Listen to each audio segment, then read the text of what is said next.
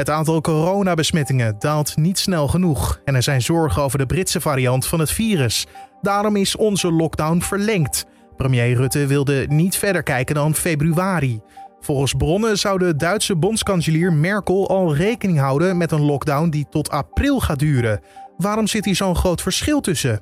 Dit wordt het nieuws. Ik vind dat de discussie in Duitsland uh, soms harder wordt gevoerd, maar daarmee wel reëler. Je hoorde alvast een klein stukje van het gesprek wat ik had met Hanko Jurgens van het Duitsland Instituut. Hoe Duitsland naar de lockdown kijkt en of deze verschilt met die van ons, dat hoor je zo. Maar eerst kijken we kort naar het belangrijkste nieuws van nu. Mijn naam is Carne van der Brink. Het is vandaag woensdag 13 januari en dit is de Dit wordt het nieuws middagpodcast.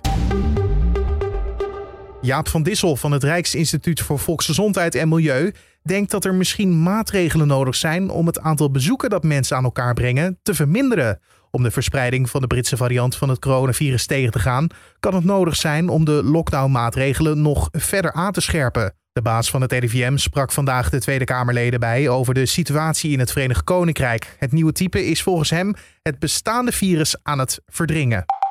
Het kabinet start vanaf volgende week met een proef voor sneltesten op het MBO, HBO en universiteit. Dat maakte minister Ingrid van Engelshoven van Onderwijs bekend tijdens een debat in de Tweede Kamer. De pilot begint in Groningen op de Rijksuniversiteit Groningen, de Hanse Hogeschool en het Noorderpoort College.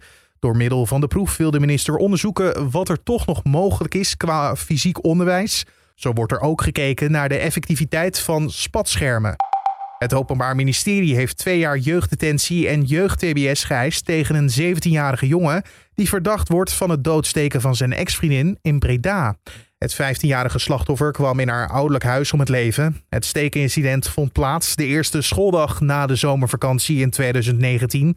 En de destijds 16-jarige verdachte werd diezelfde dag nog opgepakt. De rechtbank doet naar verwachting over twee weken uitspraak in deze zaak. Automobilisten in de omgeving van Amsterdam en Leiden profiteerden vorig jaar het meest van de verminderde druk op de weg. Dat blijkt uit cijfers die TomTom vandaag heeft gepubliceerd.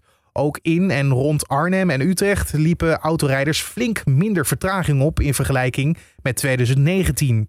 In en rond Apeldoorn en Almere was er nauwelijks verschil. Wereldwijd is de Russische hoofdstad Moskou de plek waar automobilisten de meeste vertraging hebben gehad.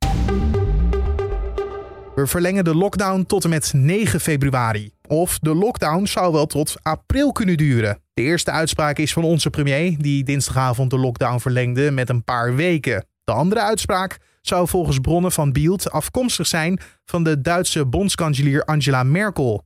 De bondskanselier zou tijdens een bijeenkomst hebben gezegd dat ze nog 8 tot 10 weken met strenge maatregelen nodig hebben. Waarom zou Duitsland nu al zo ver vooruit aan het kijken zijn? Daarover gaan we in gesprek met Hanko Jurgens van het Duitsland Instituut. Nou, het probleem is als je voortdurend uh, een lockdown afkondigt voor de komende twee weken, zou je verwachtingen kunnen scheppen. En dan, zou je, dan zijn er mensen die denken, nou goed, we houden nog even twee weken vol. En uh, dan kunnen we daarna kunnen we uiteindelijk toch onze winkel openen of de school openen. En uh, om dan voortdurend die, teleurstelling uh, te voorkomen, die toch ook waarschijnlijk maatschappelijke onrust kan veroorzaken, zeggen verschillende mensen, dus Merkel niet alleen, maar bijvoorbeeld ook de epidemioloog Karl Lauterbach. Je moet eigenlijk gewoon zo realistisch mogelijk de zaak zo realistisch mogelijk voorstellen. En uh, dus kunnen we zeker gezien het feit dat die Britse variant eigenlijk wel al onder de bevolking aanwezig is, kunnen we niet zomaar de komende weken gaan versoepelen. Ja, want gisteravond zei eh, onze premier Mark Rutte na meerdere vragen van journalisten dat hij eigenlijk niet verder wil kijken dan februari, dan uh, ja, tot de lockdown verlengd is. laat dat een verschil in aanpak zien tussen Duitsland en Nederland? Ja, zeker. Want hij zei ook dat de scholen eventueel op 25 januari weer open kunnen.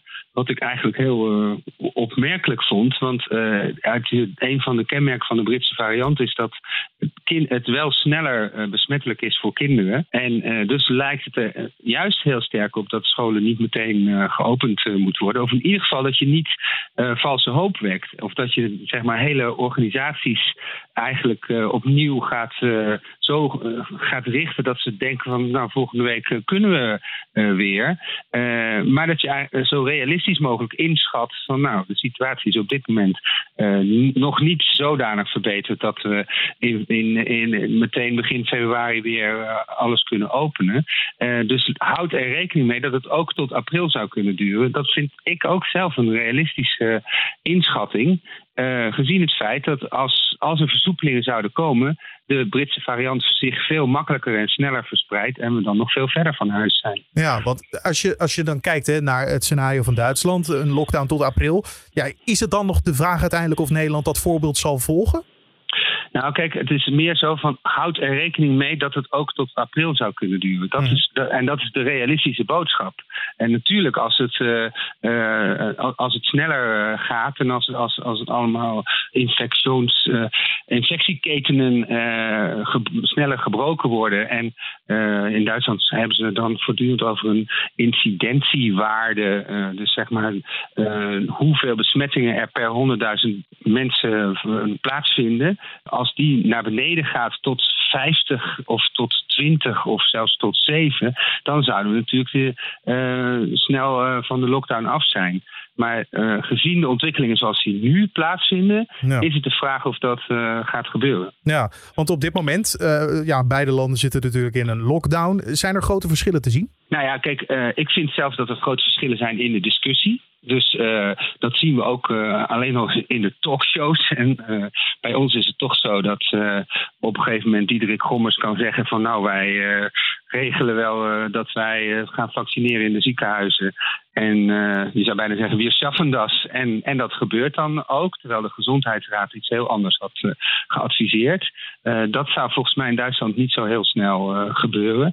En in Duitsland vind ik dus dat de virologen, dus een heel aantal virologen die een heel belangrijk positie hebben, zowel in de media, maar ook als adviseurs van de regering. Die bepalen voor een belangrijk deel het beleid, lijkt het. Of in ieder geval zijn ze veel invloedrijker uh, uh, dan in Nederland. En dat is natuurlijk ook zo dat wij het OMT hebben, maar het OMT is niet zo publiek aanwezig, lijkt het, als, als de virologen in Duitsland. En de situatie in Duitsland is op sommige plekken wel ernstig en op andere plekken minder ernstig. Dus vooral in Beieren, uh, Sachsen en Turingen is het op dit moment uh, uh, slecht gesteld. Ja. Maar in vele andere delen van Duitsland is het in ieder geval beter gesteld dan in Nederland. En daar, en daar zie je dan ook lokale verschillen hè, in de lockdown? Ja, zeker. En ze hebben ook afspraken voor lokale maatregelen. Zoals? Dus als er, nou, bijvoorbeeld als er meer dan 200 besmettingen zijn per 100.000 inwoners in één week. dan mogen mensen die in die regio's wonen, uh, niet 15 kilometer buiten de deur reizen. Of verder dan 15 kilometer buiten de deur reizen. Uh, en dus, dus ze proberen ook echt uh, heel nadrukkelijk wat zij dan de hotspots noemen, te benoemen. En daar maatregelen op te treffen. Ja, want vandaag bleken de dagelijkse besmettingscijfers in Duitsland weer flink gestegen te zijn. In verhouding met de dag ervoor. Ja, hebben ze daar dan een verklaring voor? Nou ja, ze, dat is natuurlijk toch zo dat het aantal contacten uh, te groot is. Uh, dat, dat, is eigenlijk in Nederland ook zo. Dat er toch nog, bijvoorbeeld in Duitsland gaat men nog veel meer dan tijdens de eerste lockdown naar het werk. en heeft dus thuiswerken nog niet, is, minder uit, geaccepteerd kennelijk. En ja, dat kan natuurlijk toch tot nieuwe besmettingen leiden. En er zijn ook discussies over of we niet misschien toch de grenzen weer moeten sluiten. Maar het is natuurlijk allemaal, iedereen probeert een duit in het zakje te doen. Maar het is duidelijk dat uh, de lockdown eigenlijk niet goed genoeg werkt. Uh, gezien het feit dat uh, inderdaad de besmettingen niet snel genoeg naar beneden gaan en soms zelfs weer omhoog gaan. En natuurlijk de zorgen die er zijn over de varianten, de mutaties van het virus. Die zijn in Duitsland ook niet vreemd. Bijvoorbeeld de, de, de, de, de angst over het Britse variant. Ja, zeker. En ook de klacht dat ze dat zo goed, zo slecht kunnen meten. Dat is natuurlijk in Nederland eigenlijk ook het geval. Alleen in Groot-Brittannië en in Denemarken kan, men meteen meten welke coronavariant het is. En bij ons moet dat ook steekproefsgewijs. En dat is in Duitsland ook is, dat niet anders. Maar er is inmiddels in zes deelstaten is, het, is de Britse variant uh, aangetroffen. En dat betekent dus dat, we, dat, dat ze ook in Duitsland weten dat mochten mensen snel gaan versoepelen, ja, dat die Britse variant dan zomaar de overhand zou kunnen krijgen. Zoals nu in Ierland ook het geval blijkt te zijn. Ja. Merk je dan nu ook dat er veel meer haast op het vaccinatieprogramma zit in Duitsland? Nou, het is enorm wordt enorm geklaagd over wat er allemaal fout gaat. Het, uh, het, gaat dus beter dan in Nederland, zou je kunnen zeggen. Maar dan nog gaat er natuurlijk veel mis. Want het is een heel groot programma wat groot moet worden opgebouwd. En ja, lang niet alles uh, lukt. En er is natuurlijk uh, te weinig vaccins zijn er. En daar is ook heel veel discussie over. Van hoe komt dat? hadden we dat dan echt aan de EU moeten overlaten? Of hadden we dan niet beter zelf nog meer kunnen inkopen? En in Amerika had men veel meer Pfizer-vaccins gekocht naar verhouding tot de bevolking.